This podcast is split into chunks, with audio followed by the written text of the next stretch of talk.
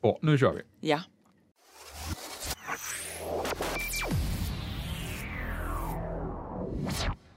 Kära gäster, varmt välkomna till Life at Sign. Podden som tar dig med bakom kulisserna på Sveriges största designhotell och där vi träffar intressanta och inspirerande människor som berättar om sin relation till att bo på hotell och att resa, delar sina hotellhack och spännande möten i långa korridorer och mellan kokande grytor. Jag heter Henrik Berghult och arbetar som hotelldirektör här på hotellet. Och idag, idag ska vi träffa en av Sveriges främsta föreläsare och utbildare inom företagskultur. Direkt från Sveriges framsida möter vi idag en mycket spännande kvinna. Född i Göteborg, har gått på Lundsbergs internatskola som ung, träffade kärleken på Petterssons krog på Käringön, överlevde tsunamin, tjatrade hela Stena Danica för sitt eget bröllop, har på direkt uppdrag av ägare arbetat fram med att levandegöra Stena Lines affärsfilosofi för dess 25 000 medarbetare över hela världen. Hon var med i begynnelsen av det som idag är S Hotel Group och hon har haft den coola titeln Director of Passion för Clarion Hotel. Idag driver hon egna företaget Culture Academy och har nyligen släppt boken Passion Works. Hon är en av Clarion Signs mest frekventa stamgäster, en av Sveriges mest bokade talare och en sann inspiratör. Varmt välkommen Linda Hammarstrand. Wow! jag, jag, och jag får gåshud. Vilken fantastiskt fin introduktion. Tack kära. Vilken CV. Ja, vilken CV. Det är inte klokt. Tack. Du checkade in redan igår. Ja. Och idag laddar vi för Culture Eats Lunch. Ja, det som, stämmer bra. Som drar igång här efter podden. Ja, precis. Vad är Culture Eats Lunch? Culture Eats Lunch är, vi pratar otroligt mycket om nätverk idag, men tyvärr mer om trådlösa nätverk än om medmänskliga nätverk. Och eh, vi är många där ute som får många lunchinbjudningar och snälla kan inte vi ta en kopp kaffe och sådär. Jag dricker ju inte ens kaffe så det går ju bort direkt. Men då tänkte jag, kan inte jag få skapa ett tillfälle tre gånger liksom per år där, där människor möts bara för att komma och hylla varandra och vara mer intresserade än intressanta om man säger så. Ja. På riktigt bara liksom ta sig tid och hålla sitt, värde, liksom, sitt nätverk varmt och värdefullt. Så det är det enda jag gör som inte har någon, liksom något syfte mer än det. Bara öppna dörrarna och på fantastiska Clarion Sign och få bjuda in 80 eldsjälar som kommer bara för att och, och lyssna och hylla och kramas och skratta och skåla. Och vad krävs för att komma med i det här nätverket? Att du är intresserad av människor. Bra människor känner bra människor. Och hur vet man när det är och kostar det någonting och måste man vara inbjuden Ja. eller kan vem som helst komma? Ja, precis. Alla är varmt välkomna. Och eh, liksom den första tanken när man träffar, liksom, det är mycket inspiratörer och, och, och mycket bra människor som kommer, att vad ska jag bidra med? Du har allt att bidra med. Bara kom och, och visa medmänsklighet. Därför att vi måste förstå att mjuka värden skapar hårda värden. Mjuka värden skapar hårda värden. Vi måste träna oss själva på att bli duktiga på att presentera oss själva. Att kunna bli duktiga på att lyssna, att vara intresserade, att vara empatiska och engagerade. Och när vi börjar träna på det så kommer de hårda värdena. Du driver något liknande i Göteborg också, va? Sen länge tillbaka. Ja, det, det är något helt annat. Det, det är en gång om året och det är ett ytterst oseriöst nätverk som heter Babes Who Brunch. Men Babes Who Brunch, det är, det är 80 babes som, som träffas. Vi brukar kalla det för vårprimörernas årsmöte. Vi träffas för att skåla in våren. och det gör vi under 12 timmar. Det är mer liksom 12 timmars manöver. Ja. Men det är bara tjejer. Men det är fantastiskt roligt. Det är verkligen höjdpunkten på året. Vad kul. Ja. Och det är i Göteborg. Du är född i Göteborg, Mm, jag är född i Göteborg. men du har rest över hela världen har jag Ja. och bott på många olika ställen. Ja, precis. Jag har träffat dina föräldrar, underbara Ja, människor. De ja. var ju, är ju här med jämna Ja, ja, ja, ja visst, precis. Men är du ursprungligen från Storgöteborg eller vad? vad? Jag är en bit utanför Göteborg som heter Onsala. Onsala. Och där bodde vi tills jag var sex år. Ja. Och, eh, och min pappa är, har svår astma och, och det gjordes forskning på forskning och den första forskningen sa nej kära Christer du, du måste bo kallt med den astman. Så vi flyttade till Norrland över en natt. Packa väskorna barn vi ska flytta och vi köpte hus liksom. Jag tror det gick på en timme och så drog vi och när vi hade bott i Sundsvall i sex år så kom det en ny forskning som sa Christer, du ska bo varmt, varför bor du här? Då flyttade vi till Marbella. och så, så jag har blivit en fena på att ladda om. Ja. Och, och, och hamna i en helt ny miljö där man måste presentera sig själv igen. Och hur länge var ni i Spanien? Eh, totalt i nio år. Nio år. Mm. Ja. Lång period. Ja. Men har du gått i skola i Spanien också? Eller? Ja, precis. Men, men eh, eh, jag började ju på en internatskola sen. Ja. När high school eh, började då, på den tiden, så fick man inte tillgodoräkna sig de poängen på, på ett universitet. Okej. Så du var tvungen att ha gymnasiebetyg Ja. då. Men så gick du på Lundsberg sen efter Ja, det? precis. Hur var det? Lundsberg var, det, är ju privilegierat, det, det förstår jag också, att gå där. Men, men eh, det var en alldeles fantastisk eh, skola och det var en skola där jag fick lära mig att bli en riktigt, riktigt fin kamrat. Ja. Av, jag fick lära mig att bidra, och jag fick lära mig att ta mitt ansvar. Och jag fick framför allt lära mig en viktig grej. Plugga först och festa sen. Gör det viktigaste du måste för dagen först. Och det har präglat mitt liv. Att alltid få gjort det viktigaste först. Ja. Innan virvelvinden slukar oss.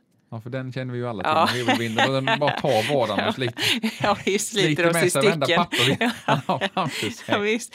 Men, men det har gjort att jag aldrig behöver bli den som avslutar en dag där man har slitit häcken av sig och ändå får stänga igen bilen och tänka nej, nu fick jag inte gjort det idag heller. Mm.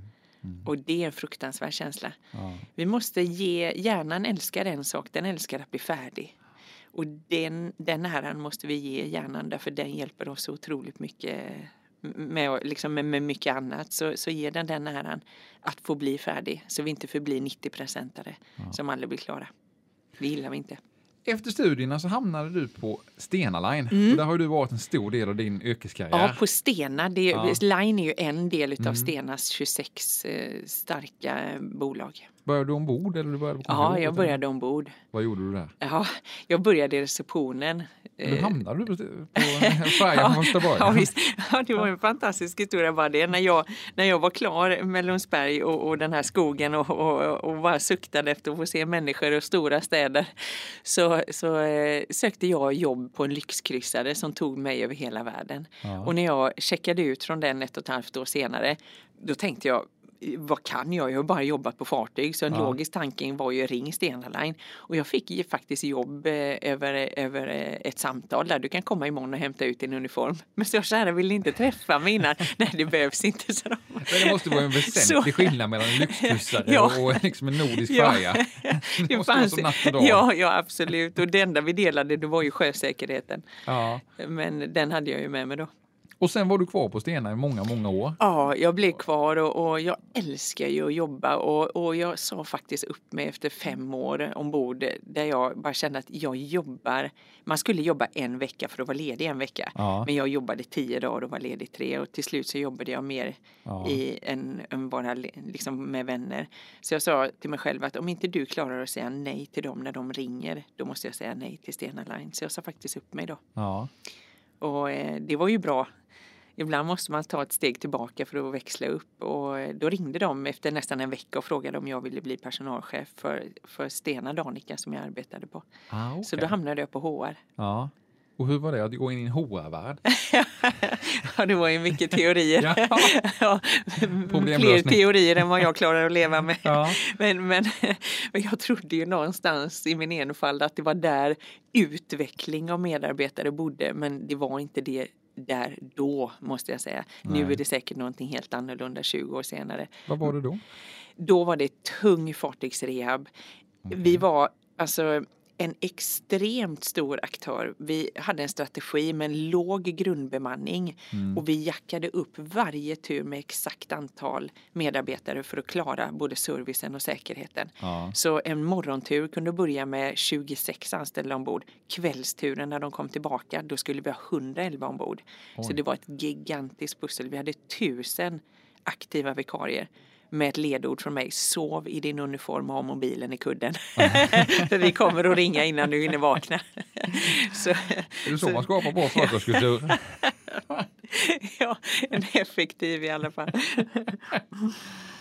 Men sen, du var ju på HR några år och sen tog det slut.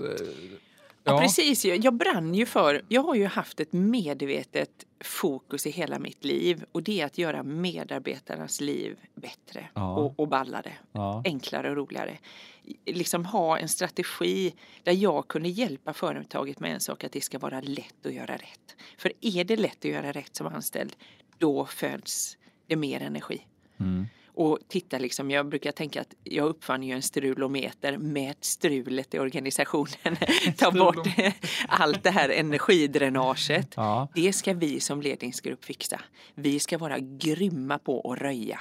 Vi ska vara röjare. Röj allting som dränerar anställda på energi. Ja. Men sen fick ju du ett av de häftigaste jobben man kan få. Ja. Du skulle konservera hela affärsfilosofin Ja. för Stenagruppen. Hur Ja. gick det till? Varför blev det just du? Ja, det var helt, det undrar jag än idag. Men det var en fantastisk eh, en dag när jag var på väg till jobbet och, och regnet öste ner, jag minns det som det vore igår, så ringde Dan Sten Olsson mig och under den här tiden så hade jag eh, tagit fram hela Stena Line Academy. Ja. Eh, jobbat enormt mycket med att det ska vara lätt att göra rätt för alla då.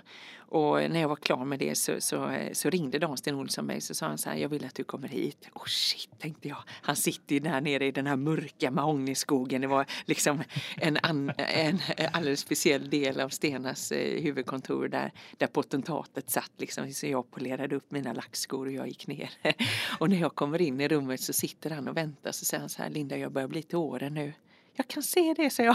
Han är 70 år. Och så sa han så här, jag vill att du hjälper mig att konservera mitt sätt att göra business på worldwide. Jag vill att du åker ut och man marinerar våra 22 000 anställda med vilket värde vi ska tillföra världen. Och du vet, det enda jag kunde fokusera på nu det var ju att hålla min mun stängd så inte jag täckte hela hans skiva med saliv. För precis detta hade jag ju drömt om i hela mitt liv. Så eh, vi blev verkligen ett troget par. Jag blev kommunikationsdirektör för honom.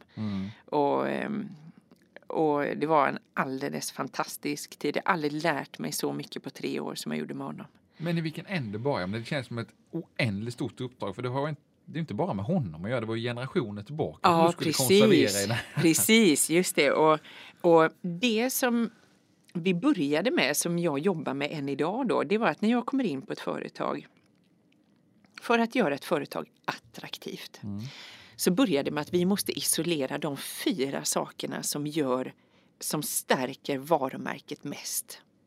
Därför de här fyra sakerna, det är de som gör det helt unika. Ett eh, utav de områdena som gjorde Stena helt unikt, det var vår omtanke. Allting börjar och slutar med omtanke.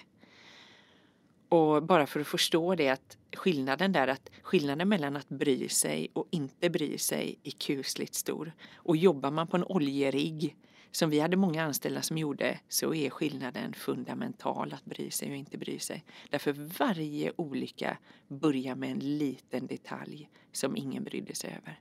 En liten gummibussning som sakta började läcka eller vad det nu kan vara. Att någon tar för givet att självklart, jag lärde mig där att självklart är bara klart för dig själv, inte för någon annan.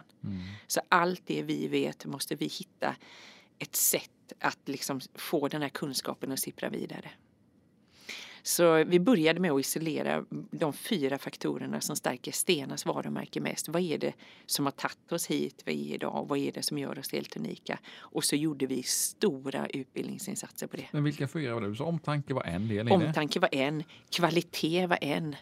Och kvalitet kan ju vara ett, eh, eh, ett klyschigt ord. Ja, vi har bäst kvalitet. Men vad är kvalitet? Det är helt enkelt vårt servicelöfte. Så när vi ska titta, håller Sign sin kvalitet? Ja, håller vi det vi har lovat? Eller nu får jag lära mig att säga ni. det är det jag har som är problem med. Du är vi. så, så när vi håller det vi lovar, då uppfyller vi vår kvalitet, inte sant? Ja. Och när vi inte har uppfyllt gästernas förväntningar, då har vi helt enkelt förlorat vår kvalitet eller tappat eh, vår kvalitet. Så s- kvalitet är per definition vårt servicelöfte. Och det gjorde vi en utbildningsinsats på, vår kvalitet.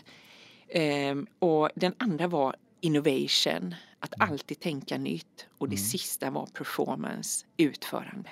Det är en sak att veta vad vi ska göra, men det är en annan sak att göra göret. Men lyckades du hitta, var det du som mejslade fram det här eller hade Dansten ganska klart för sig vad han liksom... Ja, precis. Han, Dansten har en vit bok och det har många stora organisationer. Därför när ett företag, jag brukar säga så här, när ett företag övergår 500-strecket anställda, då, då, bör, då blir man, uppnår man en industriell skala där man måste organisera företaget på ett visst sätt. Det måste finnas en viss struktur för att kunna manövrera så här stora organisationer och det är ju Nordic Choice också. Men på äldre tider då vid 70-talet, då blev det väldigt populärt att att ta fram en vit bok. SKF har också en vit bok. Kamprad hade en fast han kallade den för en, möbels, en möbelhandlares testamente. Men det är också en vit bok. Men en vit bok det är ett ledningssystem för hur vi ska skö, liksom sköta och driva vårt företag. Och det var den du tog utgångspunkt Det var den utgångspunkten vi hade att gå på. Precis. Och så länge bara den var ett dokument så skapade den tolkningsrätt. För det gör skriven text. Mm. Men det vi gjorde nu var att eh, skapa liv i den och levandegöra den med filmer och interaktiva workshops. Så alla gjorde samma workshop. Alla satte sig ner eh, regardless vilken del av jorden vi befann oss på. Men om du drev en oljerigg eller du var på ett passagerarfartyg, alla gjorde Ja, samma sak. så att även absolut man jobbade samma sak. olika delar, Precis. Recycling eller ja. Men affärsfilosofin, känslan vi skulle skapa tillsammans delade vi. Om det var någonting på den resan du kände ah, det här skulle vi gjort lite annorlunda med den erfarenheten du har idag som hade fått liksom ännu mer verkningsgrad. Vad skulle det kunna vara? Jo, då skulle det vara likt som Clarion gjorde med Seven Habits eh, med, med Stephen Covey. Anledningen till att de sju goda vanorna flyttar in är att vi gör ledarna, tränarna till ambassadörer. Så de som får gå på kursen första gången måste gå hem med 150 procent kunskap. Därför deras jobb nu är att staf- ta stafettpinnen med sig för att träna nästa gäng. Ja. Och jag skulle nog gjort det likt den modellen. Att du som har gått den här, du som är ambassadör, du måste lämna över stafettpinnen till nästa kollega som ska hålla samma utbildning för nästa gäng. Mm. Och det är en fantastiskt bra metafor. Att gå inte på en utbildning och ta med dig 70 procent hem. Gå på en utbildning där du tar med dig 150 procent hem. För nu ska du utbilda ditt gäng du har där hemma. Ja. Det är många som går på en heldags inspiration. Vad gjorde ni? Nej, jag vet inte, men det var sjukt kul. Du, det håller ju inte. Då stannar ju kunskapen bara hos dig själv. Ja. Och vi måste ha ett, ett liksom sätt där vi jobbar, där vi för kunskapen vidare. Men Det är ett ganska använt begrepp i, i Covey-världen, eller Franklin Covey, hela systemet med det här teach to learn, att man lär sig mer genom att utbilda andra också. Mm. Ja, precis. Eh, Men när vi börjar sätta, du får gärna gå på inspirationsföreläsningar, men lär oss det du lärde dig när du kommer tillbaka. Mm. Då får man en helt annan innebörd. Man sätter en stark förväntan på den som går. Och den kommer lyssna på ett helt annat sätt. Ja. Och den kommer leta efter kolerna. Vad är det jag kan ta med mig hem som är avgörande för våran verksamhet? Ja. Så det är Eh, viktigt. Och sen när du kände dig färdig med Stena och när du hade gjort konserveringen av affärsfilosofin Ja. så tog du hoppet in i hotellvärlden och landade på S Hotel Group. Ja, precis. Varför hamnade du där? Jo, jag hamnade där därför att jag saknade en del ifrån Stena Line och det var att få jobba med gäster. Ja. Jag älskar det. Därför att där det finns en gäst, där finns det en värld. Och den världen, den är vi. Och jag saknade att få vara den världen. ja. Så... Eh, Och vad var ditt uppdrag på S? För S var ju ett ganska litet företag när du kom dit. Det var ju ja, precis, i uppstarten. Men, eh, men det är bra tyngd på spettet på S-Group. det är ett extremt expansivt, eh, en, en, nu får jag inte säga hotellkedja för det gillar inte Jonas Stenberg, men, men det är en extremt expansiv dynamisk grupp Ja. eh, som verkligen skapar destinationshotell på riktigt. Så jag har mycket att lära utav dem. Eh, S-Group eh, var för litet för mig. Jag kom från en stor organisation med 22 000 anställda och S-Group hade då 500 anställda. Mm. Så jag kände att jag ville växla upp. Jag var en storbolagstjej av rang kan man säga. Och då träffades du och jag. Ja, då träffades du och jag Henrik. Kommer du ihåg första gången vi träffades? Inte riktigt, men det vet jag att du har säkert koll på. Det har jag garanterat. Jag fick information av en medarbetare till mig att du ska ha en intervju här med någon som heter Linda Hammarstrand. Hon kan vara lite mycket, fick jag, fick jag till mig. Men, men det är någonting med henne som är otroligt speciellt så du bara måste träffa henne. Eh, Mötet var bokat upp till vårt huvudkontor på Hötorget. När klockan var vad klockan nu skulle vara så satt jag där och väntade i konferenslokalen. Och var var du någonstans? Jag var här Du på var här på Sign, ja. Jag åkte till fel ställe. Men det löste sig. Du kom upp till kontoret. Eh, och vi fick ju en fantastisk kontakt redan i första mötet. Jag kommer ihåg det så väl som, som igår när vi satt i den där konferenslokalen. Eh, det var lite grann som jag var, berättade om det tidigare. Du har en otroligt speciellt i att tända glöd hos människor. En otrolig energi och Tack. entusiasm och, och Wow. karisma som är helt outstanding. Och då kom vi överens i alla fall att du skulle starta i positionen som Director of Passion Ja. på Clarion Hotel. Det måste ju vara den coolaste titeln som finns i världen. Du är cool. Ja, åh herre. Ja, Och du var med när vi skulle ta Clarion till Finland bland annat. Just det. När vi skulle bygga två nya hotell där. Just det. Eh, Du eh, satte igång vårt fantastiska talangprogram The Challenge. just det. Du döpte det till The Challenge, Ja. varför det? Jo, därför att The Challenge var dubbelpipigt i den benämningen att den skulle dels utmana deltagarna som gick, men vi fick också en surdeg från ledningsgruppen som ingen kunde rå på eller hade tid att ta sig an. Så, eh, så det var en utmaning från två håll. Vi fick en utmaning och, och vi skulle utmana oss själva att växa där vi var idag. Så liksom olikt många andra ledarskapsutbildningar kan jag känna att det handlar om att ta nästa steg. Här handlar det om en sak. Du ska bli bättre i den rollen du har idag. Och kvittot du får på det, betyget du får, det är nästa medarbetarundersökning. För hade inte ditt team tyckt att du blir bättre som ledare, då har vi spilt våra pengar. Det programmet var ju extremt framgångsrikt. I, idag sitter Tack. vi med i stort sett alla som gick de utbildningarna har ju idag nya jobb Ja, på högre positioner. en så. del har dessvärre Ja. lämnat bolaget och Ja. högre positioner i andra Ja. bolag. Men alla fick ju en enorm utveckling och, och, Ja. och blev ju redo att ta nästa steg och det har faktiskt nästan alla gjort. Just det. Eh, andra saker som är väldigt roliga är att den första årgången som vi körde, de träffas ju årligen Ja, det varje gör det år andra också. Ja. Ja. precis. Och vi myntade liksom en slogan. Who you gonna call the challenge? så så fort vi står inför en utmaning så flyger vi in hela gänget och så, och så löser vi den tillsammans. Så du var med på sista återträffen? Ja, Ja, vad var, var det Finland? Ja, eller? Finland. Ja, Ja, nej, nej, förlåt, den sista missade jag. Jag missade det finska bastubadet. Men det är ju, där hyrde de bara en stuga mitt ute i det stora Ja. alltet i den finska, liksom, ja du vet, steppen där.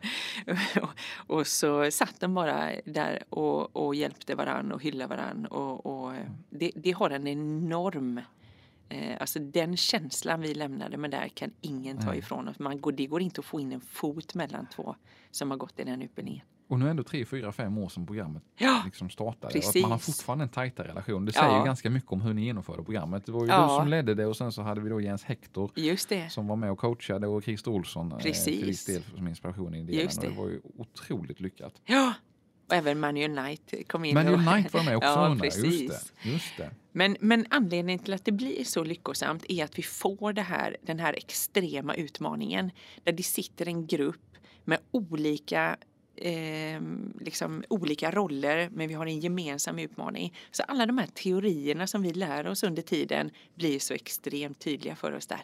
Ja. När vi får utmaningen, det första alla gör är ju att jubla. Shit, vilken utmaning! Vi kunde ju fått vilken skit som helst, men det, nu fick vi det här! Fattar ni? Och sen kraschar hela teamet. Och det, så blir det. Först när vi står med flaggan i topp, vi ska köpa ett nytt hotell, wow! Människor ska vallfärda, finanserna är säkrade. Men efter några månader, då kraschar vi, då börjar vi gå ner oss vi går ner oss tack vare att vi måste börja göra göret. Folk börjar jobba och där börjar man undra, är det värt det här? så liksom alla de här teorierna blir väldigt tydliga för oss och därför blir det så extremt starkt. Vi går ner oss innan någon reser på sig och tar an och tar, tar vid, tar ett större ansvar. Någon ut, liksom nämner sig själv som projektledare och som börjar sätta en förväntning. Henrik, jag vill att du gör det här. Du lämnar över till henne som tar vid. Alla får en förväntan och alla får ett värde i gruppen. Det här med att ta vid, det för oss in på nästa sak som du implementerade i Clarion Hotel och som vi fortfarande jobbar efter på Just. alla hotellen. Framförallt på Sign och, och någonting jag hoppas att våra gäster i vardagen märker. Och det var ju stafetten som du Just introducerade som vi sen brandade om till Chain Ja, of Passion. Just det, precis. Berätta, vad är det? Jo, jag brukar likna eh, organisationer och även myndigheter vid en stor stafett. Likt en stor stafett där alla har huvudrollen på varsin sträcka. Vissa startar, andra utför och vissa slutar. Eh, vissa slutför, förlåt. Vissa slutför. Men vi måste förstå att alla har ett värde på sin sträcka. Och stafetten gör det väldigt tydligt för oss att aldrig lägga någon som helst värdering i någon annan människas yrke. Därför alla är här för att serva varandra. Så när vi anställer en diskare till ett hotell så anställer inte vi en medarbetare med två armar och två ben. Vi anställer det mest värdefulla vi har. Vi anställer en medarbetare som möjliggör hela öppningen för vår restaurang. Vi kan inte hälla kaffet rätt i halsen på folk brukar jag tänka. Utan när de är färdiga så lämnar de över till servisen som tar vid. När städarna är färdiga så lämnar de in nycklarna till receptionen så vi kan hyra ut rummet. Alla har ett värde på sin sträcka. Om man bryter någon av sträckorna. Du var ju på Disney University och, och du fick ju en kuggfråga där du Ja, berättade för mig en gång. ja. Berätta om det. Det var faktiskt på Disney hela uppenbarelsen kom. Och jag gick på Disneys Institute, Disney University i Orlando och en kväll så blev vi sittande i en hamburgerrestaurang och då frågade läraren mig så här, Linda, vem har huvudrollen här? Och shit, jag fattade på två sekunder att det var vdn men jag kände att det var en kuggis eh, på G där. Så jag sög på det lite så, så sa jag så här, nej det är faktiskt restaurangchefen. Så jag, jag hade sett henne, hon hade, hon hade verkligen åtta armar och åtta ben, hon var överallt samtidigt. Så tittade han på mig och så sa han så här, nej det är det inte, det är Bob som står där borta och flippar de här hamburgarna.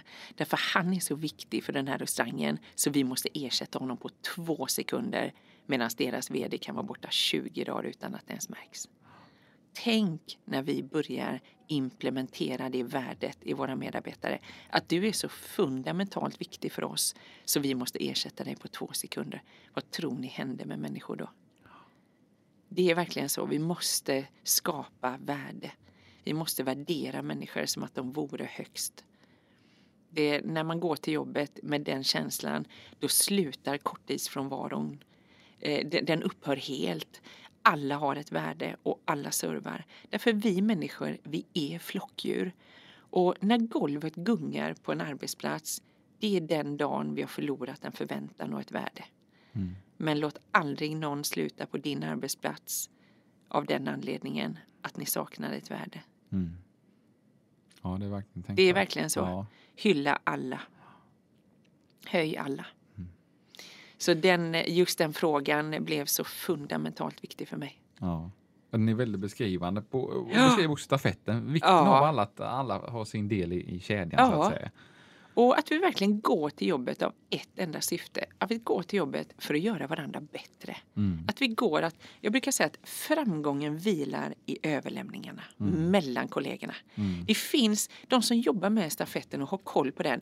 Det finns inga små små dolda fack mellan två avdelningar där allt ansvar mellan de här två avdelningarna plötsligt upphör. Där det kan ligga en kund emellan ibland eller i värsta fall en kollega är med. Alla bolag har ett sånt kusligt fack Ja. där någon kund kan hamna. Trianglarna. Ja, pre- ja, precis. Men, men när vi börjar gå till jobbet och, och går ifrån feedback till feed forward. När vi går till jobbet för att göra varandra bättre. Henrik, har du allt du behöver för, för att göra ett bra jobb idag? Eh, Ja, jag, jag, jag behöver precis det här du kommer nu men du måste vara på plats klockan tio och inte klockan tre. Åh, det visste inte jag. Gå till jobbet och brodera ut hur du vill att andra ska serva dig. Därför då gör du dem värdefulla. Mm. Det är verkligen så.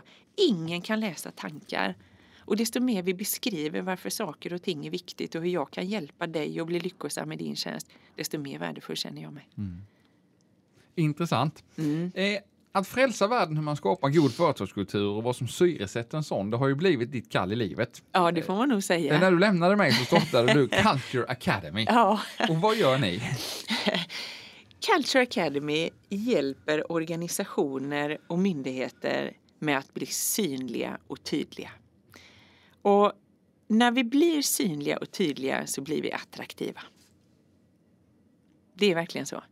Jag hjälper företag med att bli transparenta och så att människor kan titta in i verksamheten och titta vad är jag lösningen på för dem. Och när jag kan se det, när jag kan visualisera mig själv i andras företag, då trycker jag på ansök. Men då är det egentligen employer branding du jobbar med? va? Absolut, det är precis det.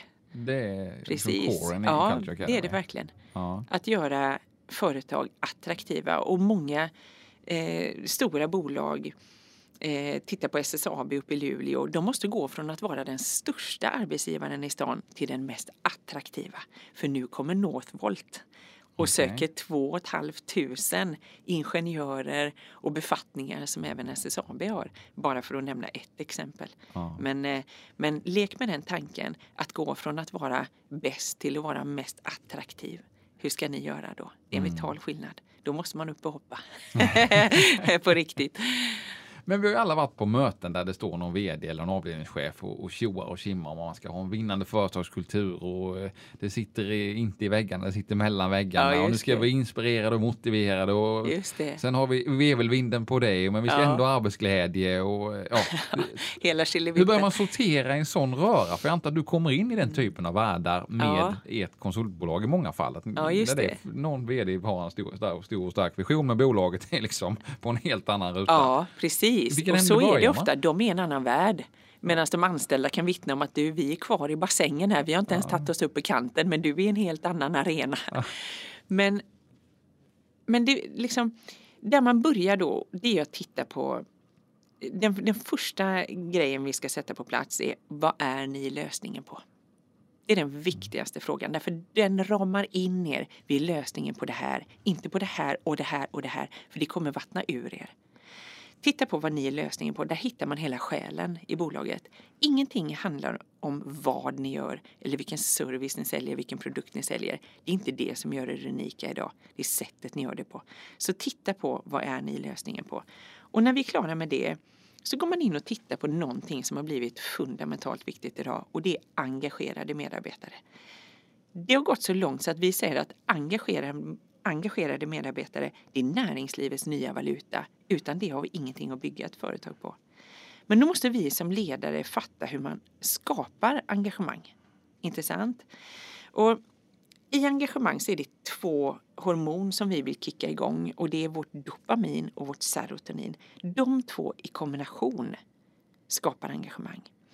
Och för enkelhetens skull, om vi ska dra detta på en minut, så kan jag förklara hur man skapar engagemang. Och det första det är tre olika trappsteg. Det första är helheten. Vad är vi lösningen på?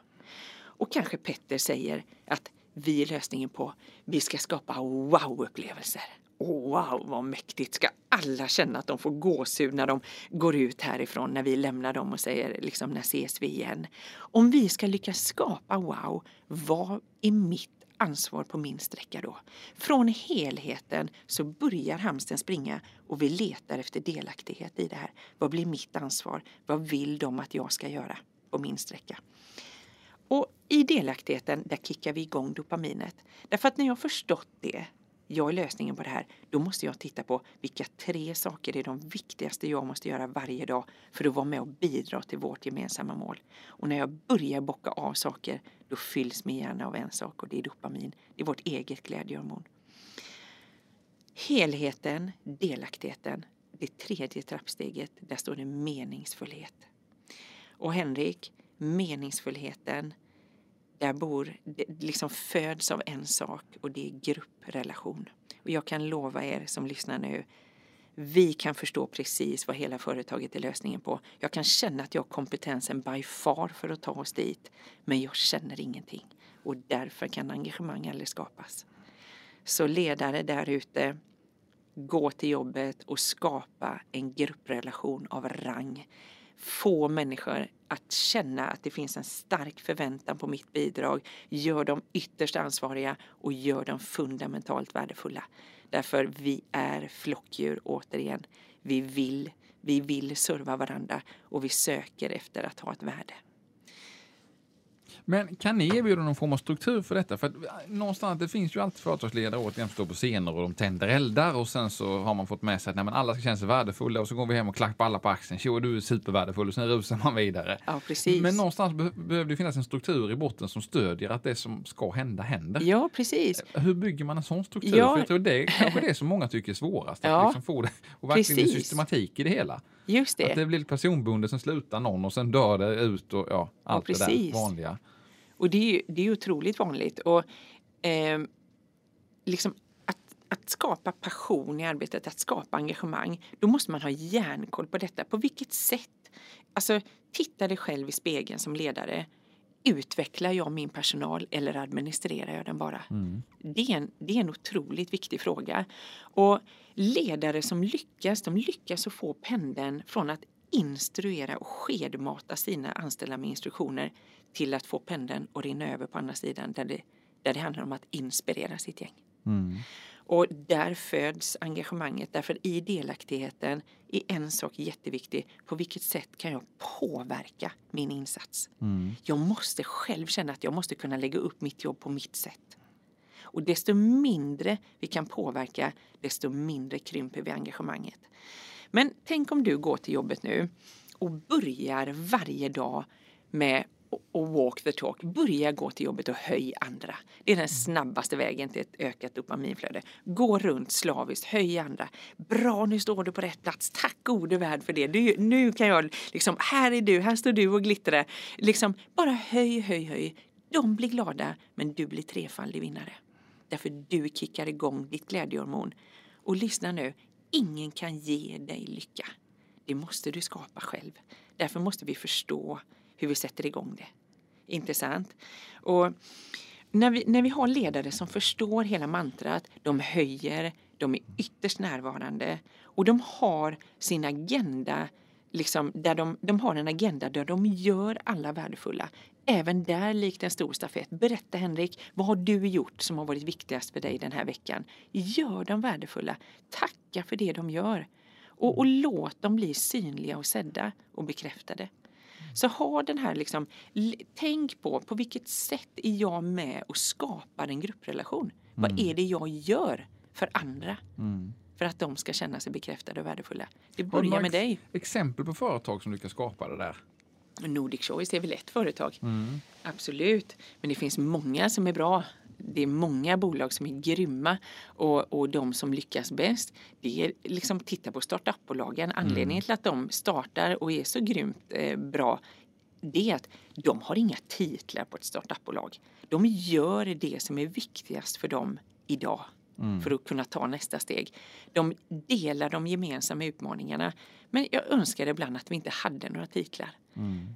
Liksom att man måste, man, man kan vara chef ändå men jag har ju aldrig, nu hade jag en cool titel här, men jag har aldrig berättat från en scen vilka titlar jag har haft. Det, det hör inte hemma. Det handlar mer om vem du är än vad du är idag. Jag kan hellre berätta om vilket värde jag har skapat för andra. Men startup är ju intressant för att det är en diskussion man ofta har. Dels med lite, vi hade bland annat Hjalmar Ståhlberg som är vd för Karma här bland annat. Ja. Eh, och ofta, man kommer ju till en kritisk punkt, det är det många som talar om i startup-världen, att man har just det allt du beskrev, att kulturen och det brinner, klarnar, Ja. typ sånt exempel. Men vid en viss given punkt kommer man till en brytpunkt när man inte är en startup längre, när man är ett jättestort bolag. Just det, Vilket i många fall kommer som en total överraskning för de som var med i den här kulturen och Ja. uppstartsfasen. precis. Hur, hur kommer man över den tröskeln så att säga? Att gå från en startup med allt det positiva, all den energi Ja. till liksom behöva etablera sig som en storkoncern eller storbolag. För det är ju klart en tröskel som man måste hantera. Ja, precis. Och inte tappa den där glöden. Nej, precis. Och där kommer ju strukturen in. Att, att när man växer så får man ofta växtverk och det är det vi ser i Sverige idag. Det är många bolag som har växtverk. Eh, d- där de har liksom traditionella eh, lite äldre roller i företaget eh, som liksom måste växla in ny kompetens och, och mm, titta på en roll som en scrum master. Alla ropar efter en scrum master idag. Mm. Och, och jag kan undra, liksom, what do you do for living baby? Well I'm the scrum. Vad gör en sån i all sin dag liksom? Men, men liksom, eh, det är en form av projektledare. Men, men vi tittar på vilka roller är det vi måste växla in. Och anledningen till att startups har en sån grymt engagemang är att de känner en sån enorm grupprelation där. Intressant. De vet exakt vad de är lösningen på, vad de ska. De ältar detta varje dag det, det kliar i dem liksom, men den grupprelationen de känner, de känner sig ytterst utvalda som får vara med på den här resan. Men tricket är att göra alla utvalda. Att alla får känna den Men hur känslan. klarar man växlingen? Ja, jag jag, jag har kompisar till mig som Ja. har varit med i startups som har slutat som sagt nej men magin försvann. Nej Ja. men det vi hade det är inte kvar Nej, längre. precis. Nu, nu är vi som alla andra. Nu är det blankett K42 för Jo. semester och allt det Jo, här. precis. Och, och man måste ju kunna växa med bolaget. Och tricket kommer här, där vi har ledare som arbetar med bolaget och inte i bolaget. Mm. Därför ha chefer som sitter som vd som går in till inköp och berättar för dem hur de ska fylla i blanketten. Mm. Det är ett enormt Alltså, där, eh, där tappar vi energi. Där börjar alla peta i allt. Ja. Eh, så, så det svåraste tror jag det är att ha en, en ledningsgrupp till exempel i de här startupbolagen. Att verka eh, med bolaget och inte i bolaget. Att verkligen inte hamna i detaljer. Men det är otroligt mycket svårare än vad det liksom, svårare att sluta med än vad det är sagt. Mm. Därför där, det är det vi kan.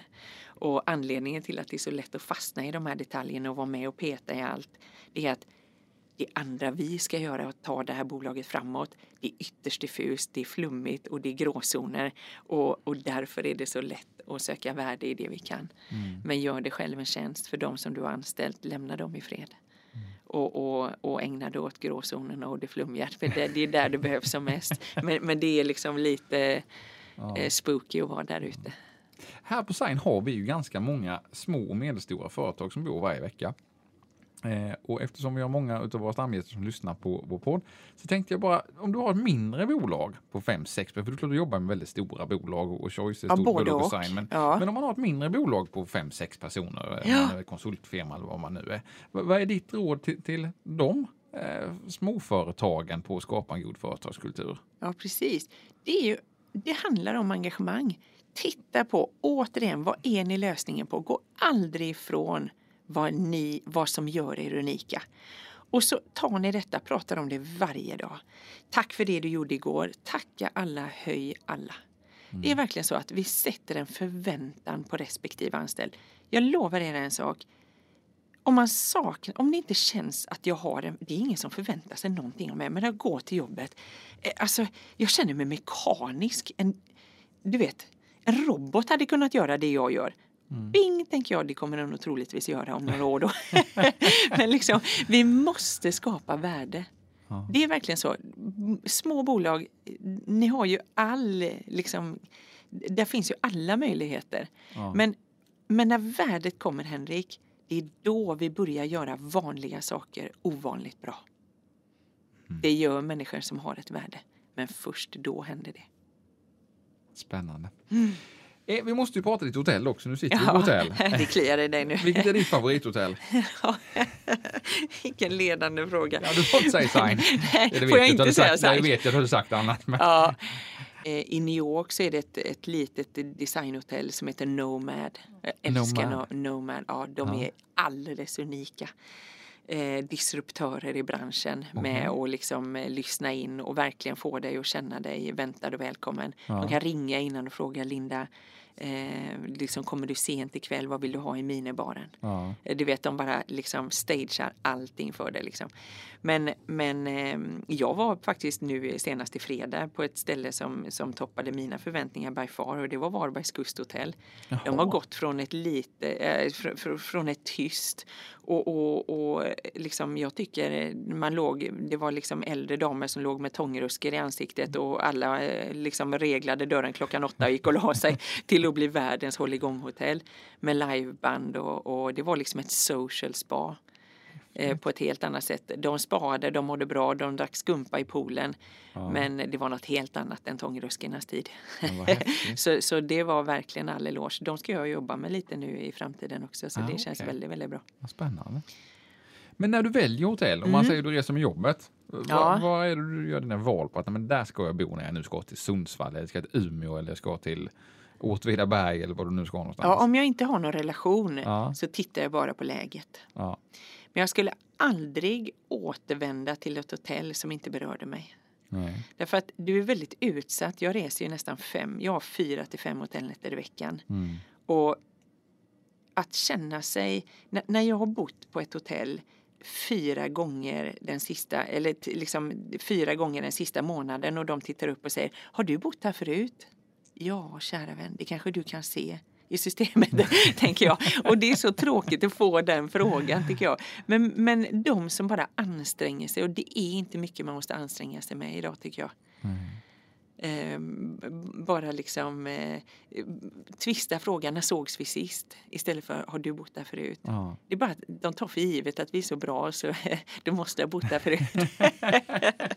Men det är små saker som kan skapa en relation på, på en sekund. Ja. Avslutningsvis, du som reser mycket. Mm. De tre viktigaste sakerna du alltid packar med dig. Vilka saker och varför? Som jag alltid, jag har alltid, det här låter helt sjukt, men jag har alltid en, värme, en värmefilt med mig för jag hatar att frysa. Jag tycker det är för kallt. Det hade min farmor. Ja, det har jag med. Som, som jag lägger i sängen för jag hatar att frysa. Men det har jag alltid med mig. Eh, Jag har alltid med mig en förlängningssladd. Man kommer på konstiga ställen som inte är gjort efter modernt resande idag. Det finns ett uttag i rummet och det ligger inte vid sängen liksom.